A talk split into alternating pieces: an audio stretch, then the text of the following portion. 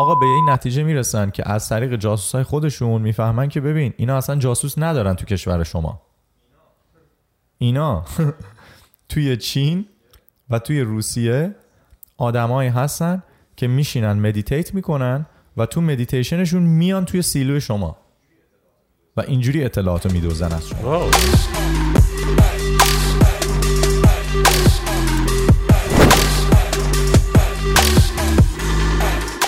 تصویرم بگی تو میزنی چیز میزنی چی بود چی میگم تق تق رو تو میزنی امروز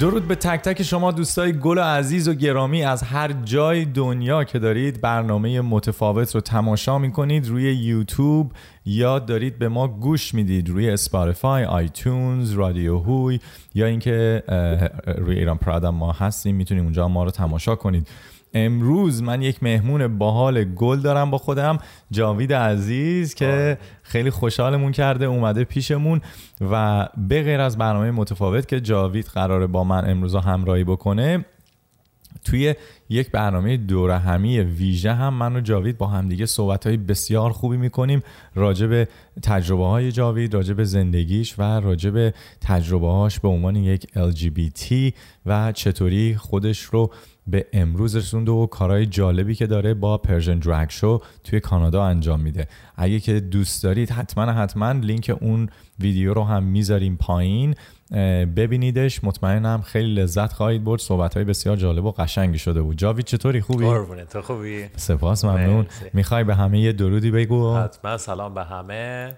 همه اون کسایی که همه جایی که تو گفتی ما رو میبینن و میشنون مرسی ازت خب بدون وقفه میدونم که خیلی ها منتظر این اپیزود بسیار مدت طولانی بودید. خیلی وقتا از من پرسیده بودید که ما این سوال همیشه برامون مطرحه و منم یه دفعه یه دونه پول گذاشته بودم یه رگیری گذاشته بودم که در واقع رگیری نبود. ازتون پرسیده بودم که بزرگترین نگرانیاتون توی زندگی چیه. خیلی جالب بود. بعد از فکر کنم قسمت اولمون یا دوممون بود. قسمت دوم بود پیام میگه. بعد از مهاجرت به ایران خارج از ایران که ترس زندگی تو مهاجرت به ایرانه ترس از اینی که نتونن مهاجرت کنن.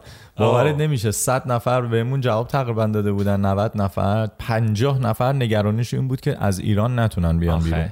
یعنی نشون میده که چقدر برای مردم بزرگترین نگرانیشون چی بود که بهتون گفتم برای اونم دنبال این هستم که من حتما یکی از دوستای خوب وکیلم رو بیارم که براتون بیشتر در اون مورد صحبت بکنه چون من اطلاعات قانونی دقیقی راجبش ندارم خودم نمیخوام نظر بدم اما حتما برای اون هم بیشتر صحبت خواهیم کرد. صحبت امروز ترس دومی بود که توی اون لیست داشتیم که بیشتر عزیزانی که بعد از مهاجرت ترس و واهمهشون توی زندگی و نگرانیشون از این بودش که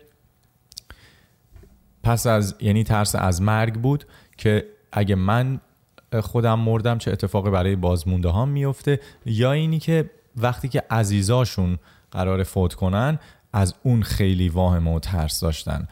و در واقع بعد از جالبیش به اینه که توی دنیا بعد از ترس از صحبت در مناظر عمومی مناظر میگن؟ در من... پابلیک فورم فکر کنم. منظر. چی؟ منظر.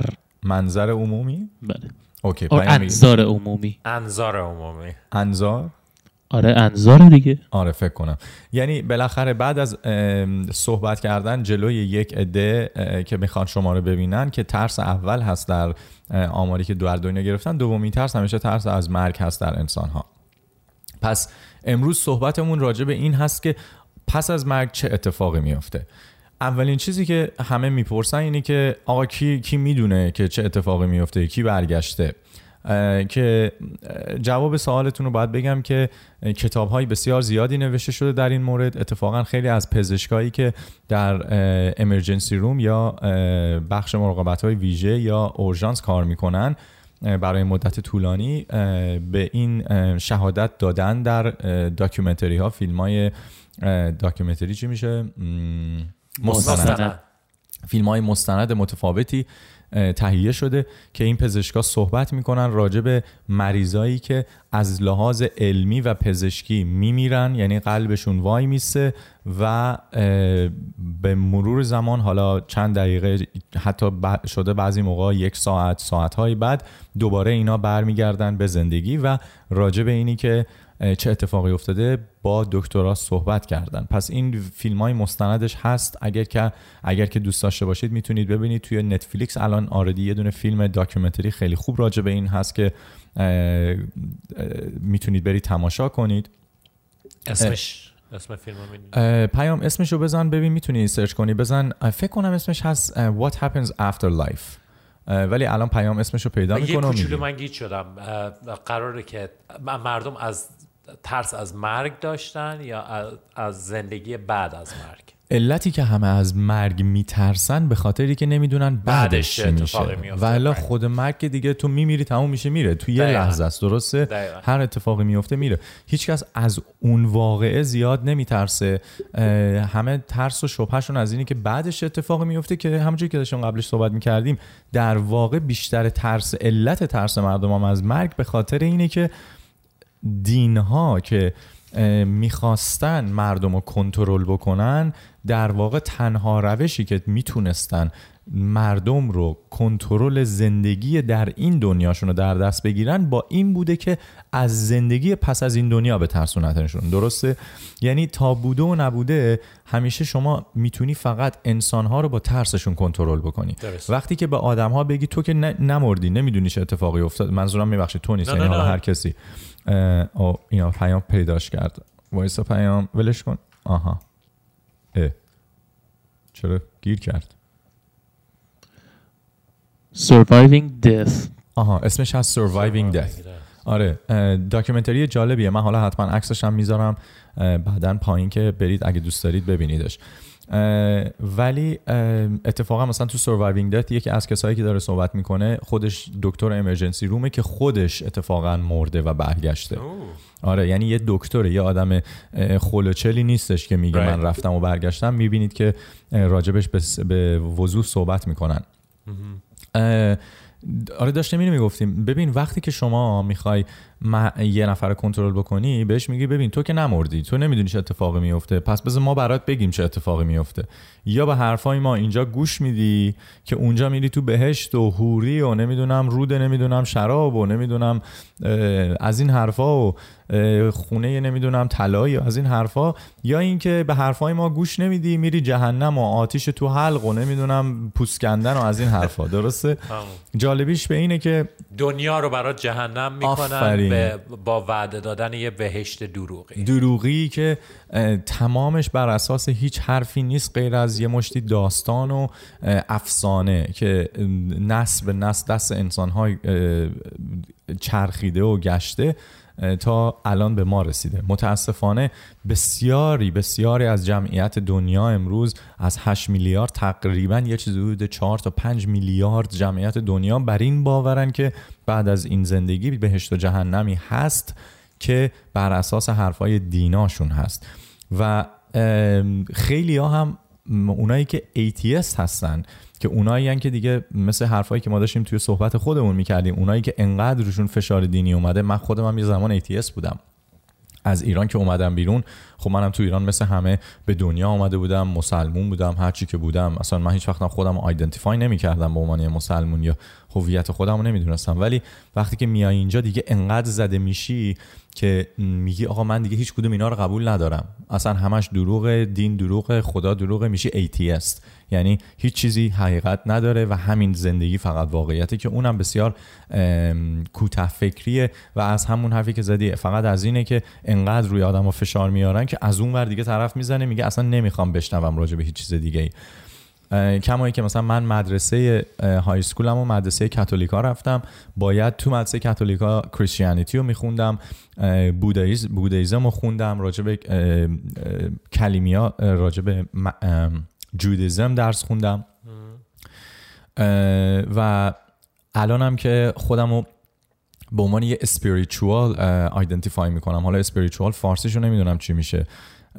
ولی فکر کنم اسپریچوال در واقع عرفان میشه ولی متاسفانه عرفان توی فارسی هنوز معنای وصل به اسلام داره وقتی میگن عرفان طرف عرفانی و عارفه هنوز این حساب میشه که مسلمانه ولی خیلی خدا رو میپرسته و خیلی توی اون خوی و خود جالب جریان خداست در صورتی که اسپریچوالیتی هیچ ربطی به هیچ دینی نداره و اسپریچوالیتی به این برمیگرده که حالا امروز صحبت ما در این زمینه هست که اول از یک طرف حالا از طرف علمی شما من داشتم اول بهتون میگفتم که داستان هایی که صحبت میشه که الان مثلا داکیومنتری هایی هست که من بهت گفتم این تازه فقط یکیش روی نتفلیکس. خیلی از این داکیومنتری ها زیاده که راجع به کسایی که مردن و برگشتن دارن صحبت میکنن راجع به مرگشون.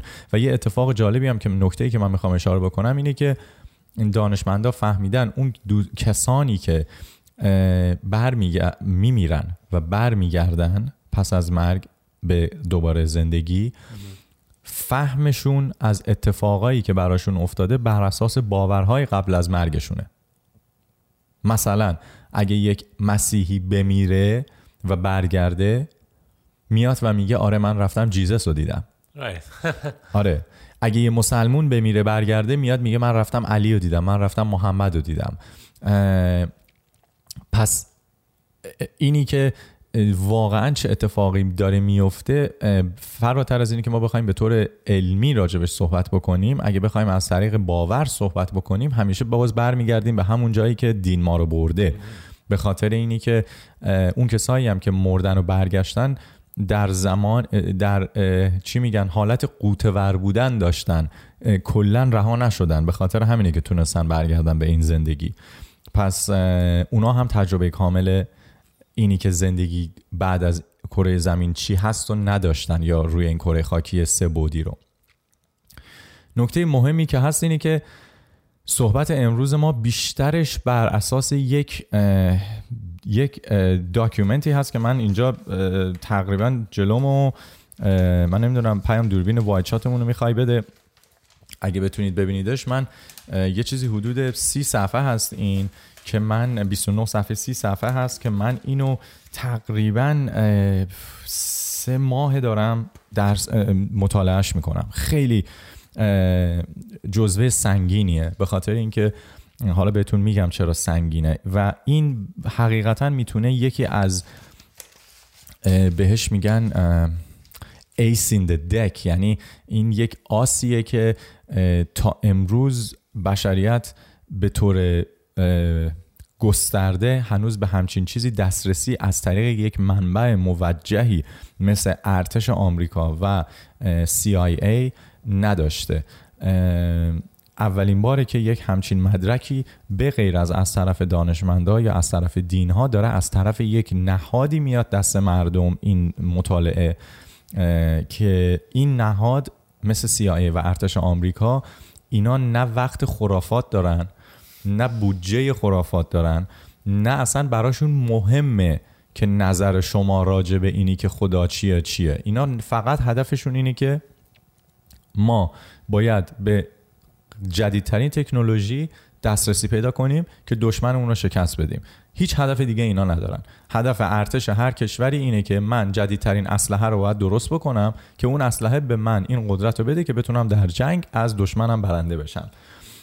CIA هم که به عنوان یک بزرگترین سازمان جاسوسی دنیا هدفش اینه که بیشترین اطلاعات رو بتونه بکشه سمت آمریکا. یعنی ما وقتی که در منبع در اولین قدم باید اینو ما قبول بکنیم و بدونیم که اگر یک داکیومنتی یک مدرکی یک تحقیقی از CIA و آرمی میاد بیرون این تحقیق یک چیزی که مثلا یه دانشمندی رفته توی یه دانشگاه درس واسه خودش یه پروژه واسه یه پی اچ دیش یک تئوری داده نیست. این یه چیزیه که اینا وقتشون رو هدر نمیدن روی این مسائل. آسو همه میدونن که آمریکا برای ارتشش و برای امنیتش که بهش میگن نشنال سکیوریتی خودش تنها از چهل تا کشور که بعد از آمریکا بزرگترین چهل تا کشورن بیشتر هزینه میکنه. یعنی آمریکا پرهزینه ترین توی تحقیق ریسرچ اند دیولپمنت و توی پروجکشن و توی پروداکشن توی دنیا رو داره که پولی که آمریکا میذاره از 40 تا 20 تا بستگی داره شما توی کل کشورهای جی 20 حساب بکنید یا کل کشورها از همه اونا رو هم دیگه بیشتر هست پس بازم اینو میخوام بگم که اینو بدونید که مدارک یا که من دارم بهتون معرفی میکنم این مدارک رو شما میتونید با یه دونه گوگل سرچ از خود وبسایت CIA دانلود بکنید. اینو لازم نیست برید رو وبسایت CNN اسم این داکیومنت رو من الان براتون روی تلویزیون روی صفحتون میزنم. شما اسم این داکیومنت و تحقیق رو اگر توی گوگل تایپ بکنید یه راست میرید رو وبسایت CIA توی قسمت لایبرری یا کتابخانه CIA و از اونجا میتونید این مدرک رو دانلود کنید و مطالعه کنید. مدرک سنگینیه. من شروع کردم این مدرک رو خوندم. یه جوری برق از تشتکم پرید دفعه اول. به خدا. مجبور شدم برم سه تا کتاب بخرم بخونم که فقط بفهمم این داره این داره چی میگه. به خدا اصلا یه جورایی داره این صحبت میکنه که انقدر ببین از ما اینا اطلاعات قایم کردن جاوید که مسلمه. ما واقعا اصلا مغزمون نمیتونه اینو پروسس بکنه. تازه به قول تو اینا چیزاییه که ریلیز شده. دارن در اختیار مردم میذارن. دیگه ببین چه چیزایی هستش که ببین ما ببین چه چیزایی امروز هست که ما نمیدونیم. قشنگ به نکته خوبی اشاره کردی. این مدرک رو اگر که نگاه بکنید حالا من روی صفحه دارم صحبت میکنم. اگه قسمت تصویری دارید نگاه میکنید پادکست رو میتونید ببینیدش. این مدرک این تحقیق در واقع مال سال 1983 هست. درسته؟ یعنی میشه 50 سال پیش. نمیدونم میدونی CIA و ارتش آمریکا هر سی سال میان کلی از مدارک سریشون رو دیکلاسیفای میکنه. شنیده بودی اینو؟ نه. اتفاقا CIA حدود 10 سال پیش کلی مدارک دیکلاسیفای کرد. که راجع به انقلاب جمهوری اسلامی بود که الان روی وبسایت CIA هست که علنا توش ادمیت کردن ادمیت چی میشه اقرار اقرار کردن علنا توش اقرار کردن اقرار که نکردن توش یعنی دستور اینه که چطوری ما انقلاب ایران رو جهت بدیم یعنی یه چیزیه که وقتی مردم میگن آمریکا عوض کرده جمهوری جمهوری اسلامی آورده این بر اساس حس نمیدونم چی بهش میگن کانسپیرسی و آره نازل نشده خود آمریکا آقا داده گفته ما کردیم حالا چیکار میخوایم بکنیم همون مدارک رو راجع به کوبا الان ریلیز کردن راجع به جنگ, جنگ جهانی دوم راجع به روسیه راجع به چین راجع به همه جا اینا ریلیز شده خب هر سی سال یه بار اینا رو ریلیز میکنن جالبیش به اینه که این مدرک که من الان دستم هست به اسم مدرک به اسم پروگرامش اسمش بوده اسم برنامهشون بوده Analysis and Assessment of Gateway Process یعنی آنالیز کردن و مطالعه کردن Gateway Process. Gateway هم یعنی در واقع میشه در ورودی و پروسس هم میشه یک مراحل پروسه. پروسه جریان. پروسه ورودی. آفرین. پروسه در ورودی یا در حالا خروجی. جالبیش به اینه که این فایل سال 2003 ریلیز شده. خب؟ یه چیز خیلی قشنگترش اینه که وقتی که CIA و آرمی مدارکشون رو دیکلاسیفای میکنن وقتی که از سری درش میارن و میخوان بدن به آمریکایی ها هیچ وقت نمیان بگن که ما همچین چیزی رو ریلیز کردیم. اینا مثلا یه کتابخونه دارن که مثلا تو اون کتابخونه دو میلیون داکیومنته تو خودت باید بری, بری بگردی. بگردی یعنی مثل اینی که یه کاه کاه دونیه خب که تو دنبال یه سوزن باید بری بگردی دقیقا. حالا یه چیزی تو اگر اسم این پروگرام رو ندونی نمیتونی پیداش بکنی چون باید اسمشو بزنی سرچ مم. کنی پس کسی که اینو به خاطر همینه این سال 2003 ریلیز شده تازه 5 سال پیش یه نفر پیداش کرده حالا از کجا؟ مثلا طرف یه خبرنگار بوده رفته با دو سه نفر تو CIA اینا مصاحبه کرده یه نفر بهش گفته ببین من نمیتونم بهت اطلاعات بدم برو اینو بزن توی وبسایت CIA خودت مطالعه کن. رفته زده آقا این مثلا 5 سال پیش اصلا اینترنت رو ترکوند. یوتیوب همه جا اومد. چرا؟ به خاطر اینکه تمام قدرتی که دین ها روی انسان ها دارن برای پس از مرگه شما وقتی که از پس از مرگ نتونی مردم رو بترسونی دیگه قدرتی نداری رو مردم. نه میتونی بهشون بگی چیکار بکن نه میتونی بگی چیکار نکن. میدونی بخ... چون تنها چیزیه که هیچ کس ندیده هیچ کس ازش خبر نداره. هیچ کسی که ما فکر میکنیم ولی در واقع خیلی ها هستن که براشون اتفاق افتاده. همونجوری که گفتم تو داکیومنتری ها بر اساس این مطالعات حالا بهت دارم همینو میگم. کسایی براشون اتفاق نفت آره درست میگی. به خاطر که معمولا وقتی آدما میمیرن دیگه میمیرن. تمومه. تو چند نفر میشناسی که مردن برگشتن؟ هیچی. من چند نفر میشناسم؟ هیچی. ولی آیا معنیش اینه که هیچ کس تو دنیا نمرده که بعدا جریانشون نش... تا حالا نشنیدی مثلا میگن طرف مرده برگشته؟ من حداقل قبل از اینکه به این برسم چهار بار شنیده بودم که یه نفر مرده و برگشته. پیش خودم میگفتم یعنی چی؟ میگه میشه؟ طرف میمیره دیگه میمیره دیگه بر برو بمیر و برگرد نیست. اتفاقا یه کارتون هم جدیدن اومده بود و اسم سول. خب نمیدونم دیدی یا نه. کارتون دیزنیه. خیلی جالبه. کارتون دیزنیه که در مورد همینه. در مورد اینی که وقتی میمیری چه اتفاقی, اتفاقی میفته و قبل از اینی که بیای اینجا چطوری اومدی اینجا؟ آه. ببین یه اتفاقایی تو دنیا داره میفته خب که بهش میگن بیداری داره به وجود میاد خب یه اویکنینگی داره به وجود میاد که وقتی این اویکنینگ کامل بشه تا 100 سال دیگه کل بشریت به این واقف میشن که تمام دین ها داشتن ازشون سوء استفاده میکردن. و وقتی اون اتفاق, اتفاق برای ما ایرانی ها که خیلی وقت افتاده نه به خاطر اینکه این فکر رو میکنیم. اگر این اتفاق افتاده بود ما هنوز گریبانگیرمون این نبودش که تو ماه محرم بریم بریزیم کف خیابون سینه زنی بکنیم. اگه این اتفاق برای ما افتاده بود روز پدر و تولد علی نمیدونستیم. درست میگه روز جهانی مرد میدونستیم. ما روز زن و تولد فاطمه نمیدونستیم. میدونی چی میگم؟ ما هنوز که هنوزه توی زبانمون کلمه مثلا یا علی رو میگیم. اوکی؟ در صورتی که من حالا واردش نمیخوام بشم. کسایی که دین رو مطالعه میکنن بسیار اومدن گفتن. اتفاقا مثلا کسایی که اسپریچوال هستن جاوید خیلی جالبه. آدمایی که اسپریچوال هستن خیلی مقامای بالای اسپریچوالیتی یعنی کسایی که think tankerن مثل مثلا اوشو مثل ماهاریشی مثل کسایی okay. که اینا دیگه بهشون میگن اینلایتن یعنی آدمایی که بیداری رو دیدن و میتونن در هر لحظه خودشون از بدنشون بیان بیرون و با هایر کانشسنسشون کمیونیکیت بکنن. خب که یه چیزیه که همه انسان ها میتونن این کار رو انجام بدن بای دی وی این داکیومنت هم دقیقا راجع به همونه. اصلا گیتوی پروسس یعنی که چطوری ما از بدن فیزیکیمون بیایم بیرون. که همه انسان ها میتونن این کارو بکنن. منتهای مطلب جالبیش به اینه که مصری ها در زمان فرعون ها که اون اهرام ثلاثه رو ساختن همه به این واقف بودن و همه این کارا رو میکردن. از تکای توی مکزیک همه این کارا رو میکردن. اتفاقا زرتشتیا دین زرتشت میدونی که به اماماشون میگفتن ماجایتس خب میگن مجایتس مجایت میدونی یعنی چی؟ یعنی مجیشن. آره. به خاطر اینکه اینا با قدرت های انرژی میتونستن کار بکنن. یعنی حتی اول اول اونا هم ایرانی های زرتشتی هم میتونستن این کارو بکنن.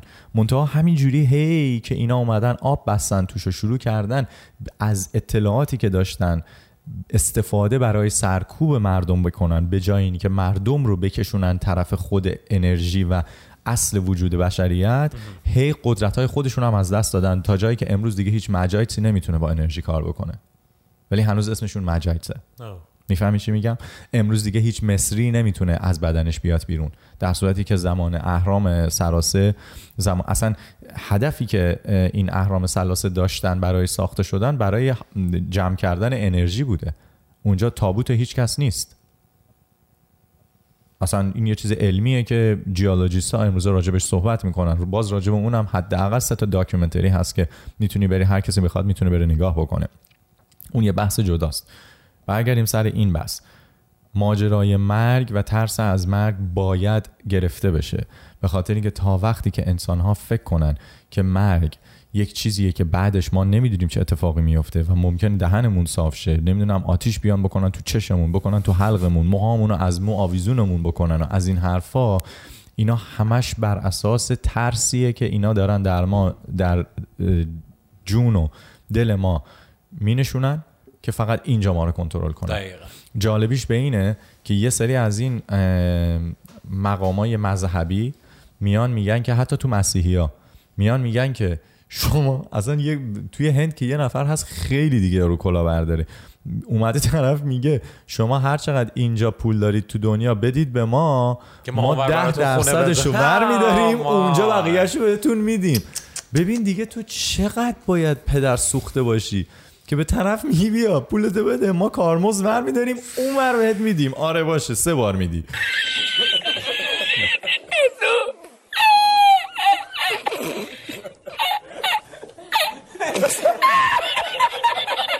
میدونی چی میگم خلاصش که آدم عصبانی میشه واقعا آدم سوت میکشه کلش تمام دینا همینطورن اصلا خیلی از این مسیحا هستن که بچه ندارن اینجا سنشون بالاست زندگی و همه چیشون رو میدن به کلیساها ببین من چون پارتنرم اینجاییه و کریسچنه و توی چرچ هم کار میکنه ولی خب چیزه موزيسيانه Are are. چیز نیست متوجهم جز جز کوایر بهش میگن آره چیز نیست یعنی جز مس دینی نیست آره آره آره دینی نیستش جو اون قسمت آرتش داره کار بله. میکنه ولی خب خیلی مناسبت ها رو میبینم که اه دقیقا همون چیزیه که ما داریم بله اسماش فرق میکنه دقیقا. یعنی فرمول همون فرموله و وظیفه این فرمول هم اینه که بخوادش کنترل کنه یه جماعتی فقط. هیچ فرقی نمیکنه چه مسیحی باشه چه مسلمون باشه چه چیزای دیگه. کلمی باشه هر چی باشه همش همونه. یعنی توی این چند سال من فقط تونستم به این نتیجه برسم که خب دین یه وسیله است برای کنترل مردم. 100 درصد. بعضیا میگن که ما مسیحیم یه سری چیزها رو انجام میدن. کپی پیست همونو ما مسلمان هم انجام میدیم به به اسمای دیگه. یعنی اسم آدما فرق میکنه. دقیقاً. اسم امام و پیغمبرا فقط فرق میکنه مگر فرمول همون فرمول همون فرموله به خاطر اینا همشون پایش از یک چیزه دقیقا. همه اینا پایش از یک چیز بوده جالبیش به اینه که حالا میگم وارد بحث دینش زیاد نمیخوام بشم به خاطری که این خودش یه بحثیه که من فکر کنم باید سه تا قسمت راجع به این فقط صحبت بکنم جالبیش به اینه که امروز برای کسانی که از این نمیترسن و واهمه ای ندارن که باورهای بنیادیشون چالش کشیده بشه اطلاعات هست. فقط باید برن دنبالش. میدونی چی میگم؟ دقیقا. یه زمانی بود که ما اتفاقا تو بحث خودمون هم این صحبت رو داشتیم. یه زمانی بوده که تو حتی اگه اطلاعات هم میخواستی نبوده. امروزه اطلاعات هست. باید تو بخوای. دقیقا. باید بخوای که بری دنبال اصلش. و بسیار هم اطلاعات زیادی هست. یکی از بدبختی های ما تو اطلاعات اینه که مثل همین کاری که CIA میکنه اینه که اینا میان میگن که راجب موجودات فرازمینی هم همین مسئله تصدیق میکنه. هر مسئله ای رو که اینا انقدر بزرگه که نمیتونن قایمش بکنن تو دنیای عصر اینترنت میدونید استراتژی دولت آمریکا و CIA چیه؟ میگن که اگر ما یه چیزی انقدر بزرگه مثل فرازمینی ها مثل موجودات فرازمینی که ما نمیتونیم قایمش بکنیم میایم انقدر دروغ میریزیم روش که کسی نتونه پیداش بکنه. پیدا یا اگرم بخوای پیداش بکنی الان دیگه از کجا میدونی کدومش واقعیته؟ درست. میگی اوکی اوکی این درسته اینم یه جورایی درسته. نمیدونم اصلا ولش کن آقا. ما نمیدونیم کدومش درسته. اینم هم همینه. این مسئله هم دقیقا مرگم و پس از مرگم همینه. اینا میدونن اگر که انسان ها بدونن که تمام زندگی که ما داریم جواب برای هر دقیقه و ثانیهش وجود داره دیگه با چی میخوان مردم رو کنترل با چی میخوان بزنن تو سرت؟ میخواد اصلا طرف میخواد به چی بگه؟ میخواد بگه من میکشمت؟ میگی بکش. چیزی تموم نمیشه. دمت گرم. تو اتفاقا یه, یه،, یه حالی به من دادی. من تجربه‌مو همون همون حرفی که تو زدی. من امروز برم خیالم راحته. چون تا امروز جوری زندگی کردم که تجربه‌ای که می‌خواستم رو دارم. مون اگر تو منو بکشی دیگه تو باید با پیامدهای خودش دیل کنی. دقیقا. ولی هیچ تغییری تو اصل ماجرای من به وجود نمیاد. خب برگردیم سراغ این موضوع قشنگ گیتوی پروسس این گیتوی پروسس اگه که فایلش رو بخواین نگاه بکنید پیام یه آلتو تب بزن که حداقل جاویدم بتونه من اینو برمیخونم یه نگاهی بکنه. اگه پی دی افشو نبستی. آها دیر یو گو بالاش شما میبینید که لوگوی Department of Defense هست خب یعنی Department of Defense میشه چی؟ دفاع دفاع آره خب وزارت دفاع دیپارتمنت آف Defense میشه وزارت دفاع آفرین یاد گرفتی آره میبینید که اون لوگویی که بالاش سمت چپ زده دوستان یادتون باشه من اینو که دارم بهتون میگم اینا شما میتونید عین اینو برید از وبسایت CIA دانلود کنید من نگفتم بیاین از وبسایت من دانلود کنید خودم اینو درست نکردم نوشته Department of Defense وزارت دفاع United of States خب بعد کنارش نوشته approve for release یعنی اجازه داده شده که این تاریخ 2003 سپتامبر ده این این داکیومنت رو دولت ریلیز بکنه یعنی بده دست مردم که نمیدن دست مردم فقط میذارنش توی زیر یه میلیون داکیومنت توی کتابخونهشون که پشتش هم یه دونه فایل نامبر CIA RDP داد بعد زیرش نوشته Department of, Ar of the Army. یعنی وزارت ارتش خب به خاطر اینکه آمریکا یکی ارتش داره یکی نیروی زمانی نیروی زمینی نیروی هوایی و الان نیروی فضایی داره از وقتی که دونالد ترامپ اومده. چهار تا قسمت دارن. و این مال دیپارتمنت آف دیفنس که نشنال سکیوریتی هم دارن که توی اون میشه CIA و NSA یعنی سنترال اینتلیجنس ایجنسی که سازمان جاسوسی جهانیشونه و NSA که میشه نشنال سکیوریتی ایجنسی که اونم بعد از 9-11 به وجود اومد اون نهاد دومی برای این که فقط کانتر تروریسم کار میکنن خط دومش میگه US Army Operational Group یعنی گروه عملی ارتش آمریکا خط سومش US Army Intelligence and Security Command. حالا این همینجوری هی داره میاد پایین یعنی میگه که این نامه اتفاقا جاوی تو که مثلا ارتش کار کردی میدونی همه فرمای داکیومنتی همینه مثلا تو ایران هم همینه اول بالاش میمیسه اسم خوبی داره بهش میگن چی میگن سلسله مراتب آفرین سلسله مراتبی که از بزرگ آره میاد همینجوری هی کوچیک میشه خوردش میکنن خوردش میکنن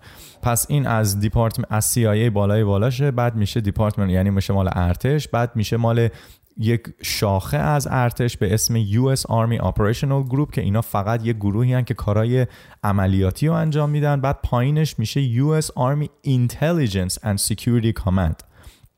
یعنی یک بخش نهادی از ارتش که کارشون بر اساس اطلاعات و امنیته خب و آخرین قسمت آخرین خطش هست فورت جورج مید فورت جورج مید مریلند. این هم مال پادگان فورت جورج توی مریلند. خب سابجکت موضوعش رو بهتون گفتم analysis and assessment of gateway process. تو یعنی نوشته شده برای کامندر. کامندر فکر کنم میشه در واقع فارسیش میشه کاماندو. ولی توی ارتش به کامندر یکی از بالاترین مقامای ارتش نیروی زمینیه. فرمانده میشه درسته. تو میشه فرمانده US Army Operational Group یعنی فرمانده ارتش قسمت عملیاتی ارتش آمریکا. خب این شروع میشه داستان از اینجا که یک نفری حالا من یه فقط بک‌گراند کوچولو بهتون بدم. چرا اصلا این اتفاق افتاده؟ آمریکا یه کشوریه که کلا چند سال درست شده؟ 300 سال درست شده دیگه. 300 400 ساله. طولانی نیستش. بعد از جنگ جهانی دوم این سال 83 دیگه درسته؟ right. بعد از جنگ جهانی دوم آمریکا و روسیه با هم وارد یک جنگی میشن به اسم جنگ سرد. بهش هم میگفتن کولد وار که جنگی بوده که اینا جفتشون داشتن سعی میکردن بیشترین کنترل روی دنیا دنیا داشته باشن واقف بکنن خب توی این جنگ چون که آمریکا بمب اتم رو میره میندازه رو هیروشیما و نیرو, نیرو بهش میگن اتمیک آرسنال یعنی نیروی هسته‌ای شد هی داشته گسترش میداده. روسیه هم به خاطر اینکه از آمریکا کم نیاره همینجوری هی داشته نیروی هسته‌ایش رو گسترش میداده. به خاطر همین کولد وار اتفاق میفته به یک جایی رسیده بوده که آمریکا و روسیه هر کدومشون بین هزار کلاهک هسته‌ای داشتن که در هر زمانی اینا به همدیگه اشاره یعنی به همدیگه پوینت شده بودن خب؟ که هر کدومشون آمادگی اینو داشتن که بهش هم میگفتن mutual destruction. یعنی هر کدوم اینا میدونستن که اگر یکیشون یه دونه موشک رو ببره هوا این همه موشکاشو میبره اونم همه موشکاشو میبره و بهش میگفتن mutual destruction. یعنی ما میدونیم که اگر یکی از ماها یه دونه موشک رو بزنه همه کره زمین با اون 32 هزار تا موشکی که بوده ده بار از وسط نصف می شده خب که اتفاقا جالبیش به اینه که اگه تاریخ رو نگاه بکنی دو دفعه تا لبه این تیغ بشریت رفته. خیلی خطرناک بوده. که بعد از اون بالاخره پرزیدنت آمریکا و روسیه رفتن نشستن و با همدیگه قرار گذاشتن که ما از این ماجرا بیایم بیرون. به خاطر اینکه خیلی خطرناک بود. مثلا به یه جای رسیده بود که این سربازایی که نشسته بودن به اینا میگن تو سایلو میرن دیگه. خب سایلو یعنی این اه اه بانکرای زیرزمینی که اینجوری واز میشه و از توش موشکای یه راست میان بالا. موشکای اینترکانتیننتال موشکایی که اکسکیوز می قاره پیما هستن. خب انقدر این خطرناک بوده که مثلا استرس داشتن این سربازایی که اینجا نشسته بودن که بعضی موقع ها مثلا اینا شروع میکردن هلوسینیت کردن. سربازه کارش بوده بشینه اونجا که اگه دستور دادن اینو آپریت کنه. انقدر استرس داشتن اینا شروع میکردن چیزای عجیب و غریب دیدن. خلاصش سر این جنگ خب obviously سر این جنگ سرد اطلاعات فوقلاده سیکرت بوده. محلایی که این موشکا زیر زمین قایم شده بودن. خب خیلی سیکرته. تو دشمن نمیتونه بدونه که مثلا الان خود ایران هم دیدی که نیروگاه هسته‌ایشو زیر زمین توی نتنز و اینا زدن. درسته. درسته که اسرائیل اومد پتشون رو ریخ روی آب. اینا اصلا میگفتن ما نداریم. بعد اسرائیل اومد قشنگ نقشه رو نشون داد با اون یه کامیونی که از ایران مدارک دزدیده بودن. همه ارتشا این کارا رو میکنن. جالبیش به اینه که وسط جنگ سرد بین آمریکا و روسیه آمریکایی‌ها متوجه میشن که ای روسیه و چین دارن تمام اطلاعات مو به موی نیروگاه زمینی اینا رو سایلوهاشون و سیلوهاشون رو میگه همه اطلاعات ما رو دارن نه تنها اطلاعات رو دارن حتی یک زمان کد لانچ کردن نوکلیر وپن هم میدونستن چون خب CIA هم جاسوس داشته اون تو اونا دیگه حتما بعد میگن یعنی چی کی داره به اینا اطلاعات میده ما کجا جاسوس داریم آقا بریم دنبال جاسوس گشتن بریم بشینیم جاسوسا رو بکشیم بیرون آقا اینا میرن به یه مرحله رسیده بوده که اینا میرفتن توی این مقرهای زیرزمینی دنبال میکروفون و دوربین و اینا میگشتن خب که مثلا فکر کرده بودن اومدن کار گذاشتن هی میگردن هی میگردن خلاصه CIA هم خب کارش اینه دیگه باید جاسوسی کنه دیگه میگه که آقا شما باید به جاسوساش توی روسیه و چین میگه که به ما بگید که اینا چجوری دارن این اطلاعات ما رو میدوزن و چرا ما راجع به اونا اطلاعات نداریم به خاطری که خیلی سیکرت بوده آقا به این نتیجه میرسن که از طریق جاسوسای خودشون میفهمن که ببین اینا اصلا جاسوس ندارن تو کشور شما اینا توی چین و توی روسیه آدمایی هستن که میشینن مدیتیت میکنن و تو مدیتیشنشون میان توی سیلو شما و اینجوری اطلاعاتو میدوزن از شما بهش میگن آره بهش میگن تلپاتی تلپاتی البته با هم دیگه صحبت کردن توی الفا استیت مایند ولی تلپورتیشن بهش میگن تلپورتیشن میبخشید یعنی که شما بدن فیزیکیت اینجا نشسته ولی کانشسنست در میاد و هر جایی دلش بخواد میره. تو کانشسنست میتونه هر جا روی کره زمین بره کانشسنست میتونه بره اونور کهکشان راه شیری. همه جا میتونه بره. چون تنها چیزی که در جهان سه‌بعدی که ما داریم توش زندگی میکنیم. خب 3 dimensional world بهش میگن. تنها چیزی که اینجا وابسته این شرایط فیزیکی و قوانین فیزیکی هست بدن ما هست. درسته. روح ما که اینجوری نیست که. نه. وقتی هم میمیری چی میشه؟ میمیری بدنت میره زیر خاک تموم میشه میره منتها اون روح ادامه داره. این بحثیه که حتی دینام راجبش بررسی نمیکنن. میگن درسته. درست. برد نشدی که. نه نه. من من چیزی نمیگم چون چیزی نمیدونم نه نه خواهش میکنم. ولی هر جا خوا... سوال داشتی بپرس اوکی؟ حتما. چون تو الان میخوام نقش یک شنونده رو واسه ما بازی کنی که اگر که سوالی بود به من بگو. مثلا درسته. این یعنی چی که ما بیشتر راجبش صحبت کنیم. بسیار عالی. آقا خلاصش اینا میگن که بله شما 400 سال کلا کشورتون ساخته شده چینیا که چندین هزار ساله قدمت دارن بوداییاشون زن مدیتیشن هاشون اونا راحت میتونن بیان و اصلا میتونن برن تو کاخ سفید. همه جا میتونن برن. اینو میگن ای. از لحاظ امنیتی دیگه این مسئله خطرناکه. این دیگه ماجرای خرافات و باور و دین و اینا نیست. همون. تو داری میای مسائل امنیتی منو میدزدی. پس از اونجا بود که این پروگرام شروع میشه. که CIA میاد دستور میده به ارتش که شما باید به هر نحوی شده پیدا بکنید که چطوری اینا دارن میان. و هر کاری اونا میکنن ما باید اینشو انجام بدیم. که عقب نیفتیم دیگه. میدونی که جنگ دیگه. وسط جنگ جنگ سرد وسط دشمنی. تو نمیتونی بگی که حساس ترین اطلاعات منو دشمنم داشته باشه من نداشته باشم. تمام تو میگی منم باید داشته باشم.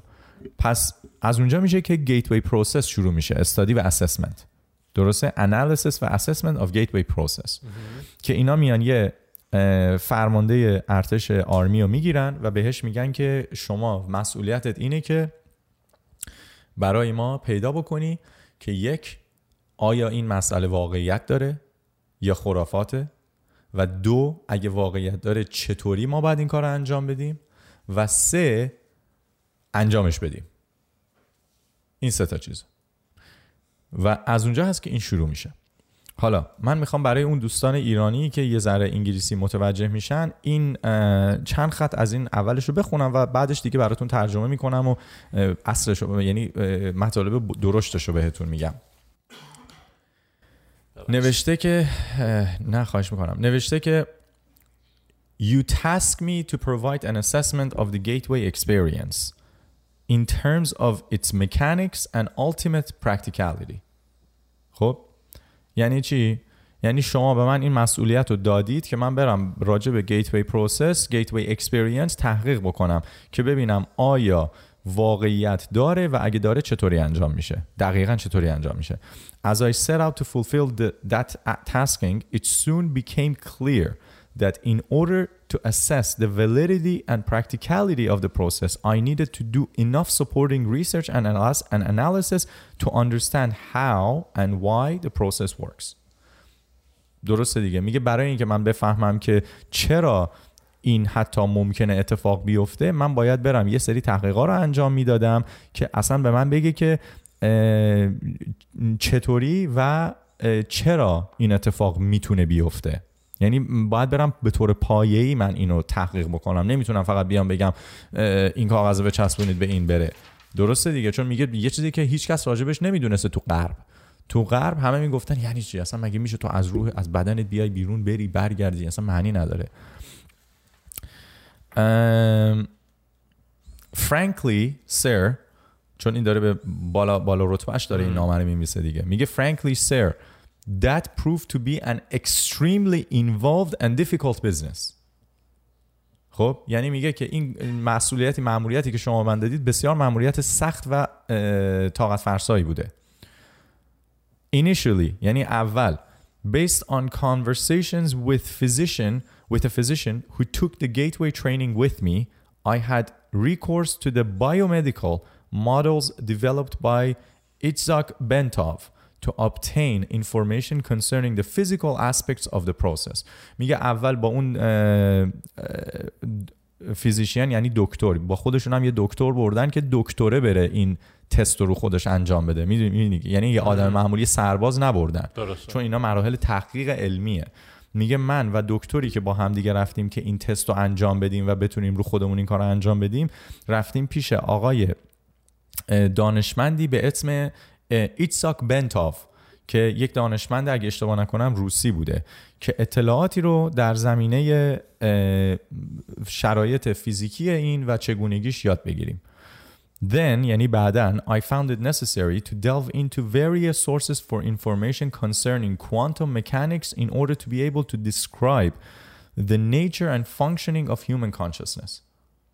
میگه در مرحله بعدی که ما رفتیم سعی کردیم یاد بگیریم این کار رو انجام بدیم با آقای بنتاو ما مجبور شدیم بریم کوانتوم مکانیک رو بخونیم که من بتونم به شما توضیح بدم که اون تجربه‌ای که ما داشتیم چه اتفاقی افتاده توش حالا کوانتوم مکانیک هم که میدونی خودش, خودش یه دونه خودش یه یه آره دیگه خب آرمی هن دیگه they right. don't care. Yeah. یارو یارو میگه این ماموریتت باید انجام بدی دیگه شده جونت هم باید بدی that's that's the purpose دیگه درسته به خاطر همینی که من بهت گفتم من مجبور شدم یه دفعه من اینجا رسیدم گفتم هولی شت من راجع به کوانتوم مکانیک هیچی نمیدونم همینجا یه دفعه اینو گذاشتم زمین رفتم شروع کردم راجع به کوانتوم مکانیک تحقیق کردن خب um, okay in order to be able to describe I had to be able to construct a scientifically valid and reasonably lucid model of how consciousness functions under the influence of brain hemisphere synchronization technique employed by Gateway. میگه که برای اینی که من بتونم توضیح بدم به شما که چطوری کانشسنس میتونه از بدن بیاد بیرون در تحت شرایط همیسفیرینگ همیسفیر سینکرونیزیشن برین همیسفیر سینکرونیزیشن که حالا بهش میرسیم که تکنیکی هست که باید انجام بدی که بتونی از بدنت بیای بیرون من باید میرفتم کوانتوم مکانیک رو بخونم که بتونم به شما توضیح بدم چرا به طور علمی این مسئله انجام میشه یه لحظه اینجا یه پاز بکنیم این ماجرا رو بودایا ودیکا برای هزاران سال دارن تدریس میکنن. همه بوداییایی که توی مانکایی که تو کوه هستن میتونن این کار رو انجام بدن. آره میتونن. منتهای مطلب دانشمندای غربی همیشه میگفتن اینا جواد جنبله. چرا؟ چون میگفتن که ما نمیتونیم به طور علمی ثابتش, ثابتش کنیم. در نتیجه وجود نداره. چون حالا چرا ما نمیتونیم ثابتش بکنیم؟ به خاطری که خب تکنولوژیشو نداشتیم. همون حرفی که باز من و تو زدیم. انسان ها همیشه برای تغییر می جنگن که دقیقا. تغییر نکنن. چون انقدر احساس راحتی میکنن ترجیح میدن حقیقت رو ندونن ولی بجنگن که در تاریکی بمونن. راحت تر. این اصلا یه چیزیه که مغز یه دستوریه که مغز اتوماتیک بهت میده. چون آفرین. دوست داره توی اون قسمت راحت راحتش بمونه, بمونه. تا اینی که بخواد یه ذره بیاد بیرون و حس بکنه که ناامنه. دقیقا. چون حس میکنه اون جایی که هست کمایی که شاید اشتباه باشه ولی امنیت داره. درسته؟ درست. میریم به این چقدر درینک خوب داره میاد. میریم برسیم به این که ام... مرحله سوم میگه once this was done یعنی وقتی که من رفتم کوانتوم مکانیک خوندم و ما رفتیم با اون دکتره پیش آقای بنتا و یاد گرفتیم چطوری این کار رو انجام بدیم میگه وقتی این دو تا کاری کردیم قدم بعدی ما involved recourse to theoretical physics in order to explain the character of time space dimension and means by which expanded human consciousness transcends it in achieving gateway's objective.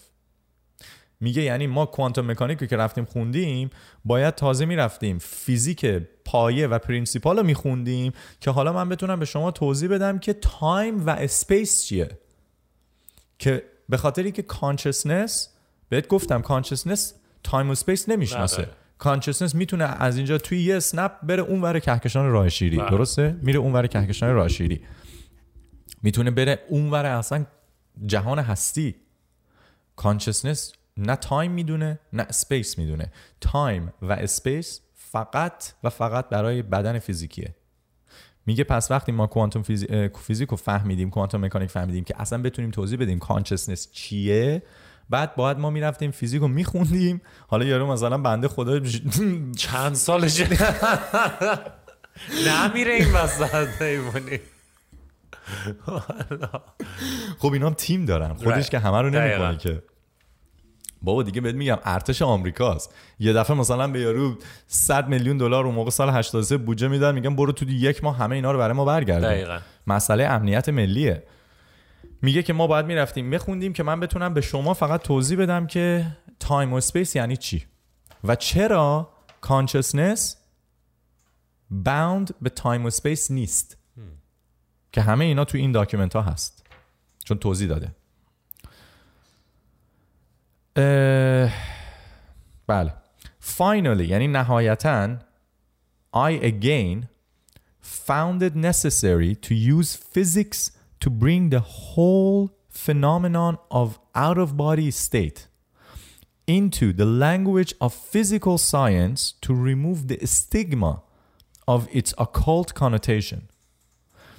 and put it in the frame of reference suited to objective assessment یعنی چی؟ این قسمت آخرش خیلی مهمه میگه که نهایتاً من احساس کردم که لازمه من برم تمام این تحقیقا رو بکنم در صورتی که من فقط میتونستم بیام به شما بگم آره گیتوی اکسپریانس کار میکنه ولی علتی که من میخواستم این تحقیقا رو انجام بدم به خاطر اینه که همون چیزی که بهت گفتم همون حرفی که بازم ما با هم زدیم دقیقا. تبویی که دین وصل کرده به تجربه انسان ها از سفر خارج از بدنشون که میگن این طرف مالی خولیه و نمیدونم چی میگن مالی خولیاییه دیوانه است طرف داره چرت و پرت میگه داره دروغ میگه میگه برای این که من بتونم به شما بفهمونم که اینا واقعا به طور علمی وجود داره من باید میرفتم تمام این تحقیق علمی رو میکردم.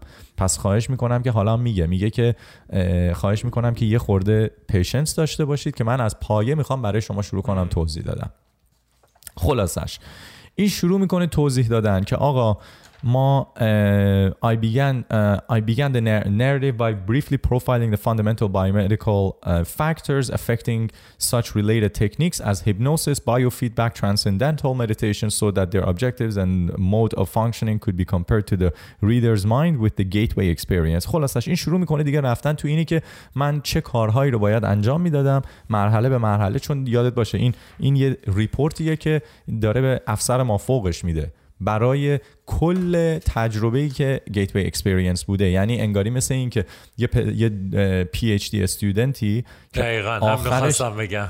این مثل دیفنسیه که میاد آخرش ارائه میده. منتها این دیفنسیه که شوخی باش نمیتونی بکنی. باید مو به مو بر اساس حقیقت باشه. میاد اول شروع میکنه صحبت کردن راجع به اینی که اصلا این ماجرای ادوف باری اکسپریانس یعنی تجربه ای که خارج از بدنت داری به عنوان یک انسان از کجا شروع شده؟ توی غرب چه کسایی تا حالا این کار موفقیت انجام دادن در حال تحقیق؟ و اینکه آخرین چیزی که راجبش مینوشته اینه. نوشته I felt that it was necessary after having completed the analysis to point out that the resulting conclusions do not do any violence to the fundamental mainstream of either Eastern or Western belief systems. متوجه شدی؟ نه میگه که تحقیقایی که من کردم خیلی میگه من میگه من احساس میکنم که این خیلی مهمه که بگم. این آخرشه درسته؟ نه نه نه این تازه صفحه دومه. اوه من فکر کردم نه نه نه. قبل از اینکه وارد ماجرای علمیش بشه داره اینو میگه. این این در واقع مقدمش بود. میگه که من نهایتا میخوام اینو بگم که بر اساس تحقیقات و جوابایی که ما گرفتیم هیچ کدوم ریزالت هایی که ما گرفتیم نگران نباشید. باورهای مذهبی شما رو خراب نمیکنه شما میتونید کماکان اون باورهای احمقانه خودتون رو داشته باشید. درسته. نه حالا واسه اون. میگه واسه میدونم. مردم. میگه یعنی نگران نباشید که اگر این بیاد بیرون اینجوری نیستش که شما فردا بلند میشید میگید او پس مسیحیت چی شده؟ میدونی؟ در صورتی که اینو فقط واسه این نوشته که یه خورده خیالشون راحت کنه. تو اگه اینو بخونی همون اولش برمیگردی میگی که هرچی به ما گفتن کشک بوده پس. به خاطر اینکه هر انسانی میتونه این کار رو انجام بده هر انسانی میتونه خودش از بدنش بیاد بیرون بره و ببینه که قابلیتش داره که این کار رو انجام بده. 100 درصد. و وقتی تو این کار رو انجام بدی تمام اطلاعاتی که توی جهان هستی وجود داره در کف دستت داری. همه انسان ها به اون دسترسی دارن. آقا بریم سراغ من پیج یک و دو و سه و چهار و پنج و میرم چون میخوام برسم به اصل ماجرای مرگ و من میخوام اگه دوست داشتید دوستان راجع به این بیشتر میتونیم با هم صحبت بکنیم منطقه من میخوام که چیزهایی شو که حس میکنم خیلی تکنیکاله واردش نشیم که چون همونجوری که بهتون گفتم مثلا من خودم سه ماه دارم این سی صفحه رو میخونم و هنوز صفحه 21 هم سه ماه. تو چه حوصله ای داری؟ آره بابا دیگه من دیگه همش دارم تحقیق میکنم دیگه. من از صبح تا شب دارم فقط مطالعه و تحقیق راجع به اینا میکنم. بابا با آخه ببین این اصل زندگی دیگه. تو اگه بتونی این جوابا رو پیدا بکنی دیگه سوالی نداری. درسته؟ میدونم چی تو اگه بتونی پیدا بکنی که من چرا اومدم روی این کره زمین و من چطوری بعد از این چه اتفاق قرار سرم بیاد دیگه همه چی حل شده است. درست. دیگه میگه اوکی دیگه ما که راحت شدیم پس از این بعد زندگیمونو کنیم. میبخشید. فاک یو فاک یو فاک یو به من نگو. دیگه به من نیا بگو دروغاتو. برو دروغاتو به یه نفر دیگه بگو که باور میکنه. میدونی چی میگم؟ چون من حقیقت رو میدونم. میرسیم به صفحه 18 میدونی یه جورایی همه ما داریم اینو اکسپریانس میکنیم ولی فکر کنم تو, تو دیگه قشنگ ریز رفتی سراغش که با دلیل و مدرک بخوای نشون بدی. 100 درصد. اینو میبینی اینجا؟ Right. این کادوی تولد 13 سالگی منه. خب؟ من توی بچه که بودم توی ایران هیچ وقت نمیرفتم فوتبال بازی کنم با بچه ها همیشه بعد مدرسه میدونی همه میرفتن فوتبال بعد میومدن تو. شرمنده نه من یکیشون That's okay, that's okay. And, and بعضی موقع ها اتفاقا با آمانم میگفتم که چرا من نمیرفتم ولی الان اصلا ناراحت نیستم ولی پوینت من اینه که من توی خونم یه آزمایشگاه داشتم من از مدرسه که می اومدم من یه نرد تمام معنا بودم. آه. از مدرسه که می اومدم میرفتم تو آزمایشگاهم شروع می کردم کار کردن زیر این چیز بذار اینو ببر بذار زیر اون آزمایش شیمی بکن. تو مثلا کانون پژوهشگران جوان بودم در نتیجه برای من وقتی من دنبال جواب میگشتم جوابای اصل زندگی باید میرفتم سراغ اصلش سراغ یک مدرک علمی. جالبیش به اینه که تو حتی اگر بری مدارک علمی تحقیقای دانشمندارم بخونی این دانشمند با اون مخالفه اون با این مخالفه این میگه حرف من درسته اون میگه به خاطر همینه که همش با هم سر کله هم میزنن دیگه. یک چیزی قانون نمیشه. همیشه بهش میگن هایپوتزیس یا تیوری یعنی نظریه میشه. منتها بازم من میخوام اینو تکرار بکنم چون خیلی مهمه. آرمی و CIA نظریه براشون مهم نیست. اصلا نظریه معنی نداره. طرف میگه ببین من نمیفهمم تو داری چی فکر میکنی. من میخوام بدونم حقیقت, حقیقت چیه. چیه واقعیت و کاری باهاش ندارم. حقیقت چیه؟ آفرین. واقعیت برای تو واقعیته. حقیقت رو به من بگو. دقیقا. من میخوام بدونم yes, آیا آیا آره یا نه. اگه آره چطوری؟ همین. دقیقا. به من نشین بگو او حالا این گفته شاید بشه. نه نه نه اینا نمیخوام. همه ارتش ها اینطوری حتی تو ایران هم ارتش همینطوره دقیقا. ارتش همینه دیگه. آقا میریم سراغ صفحه 18 این دیگه میشه خود ماجرا.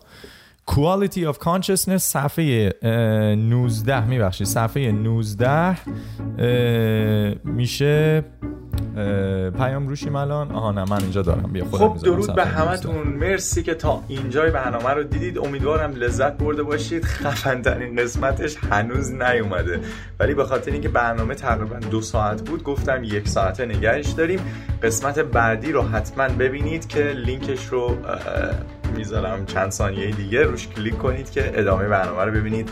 نظراتون رو پایین به ما بگید لطفا و لایک رو بزنید. اینجوری خوشگل اون زنگوله هم بزنید تو گوشش و سابسکرایب هم اگه دوست داشتید بزنید که حتما با اون زنگوله ما بهتون ویدیوهای جدید رو که میفرستیم و آپلود میکنیم بهتون برسه سری و امیدوارم ازش اون لذت ببرید.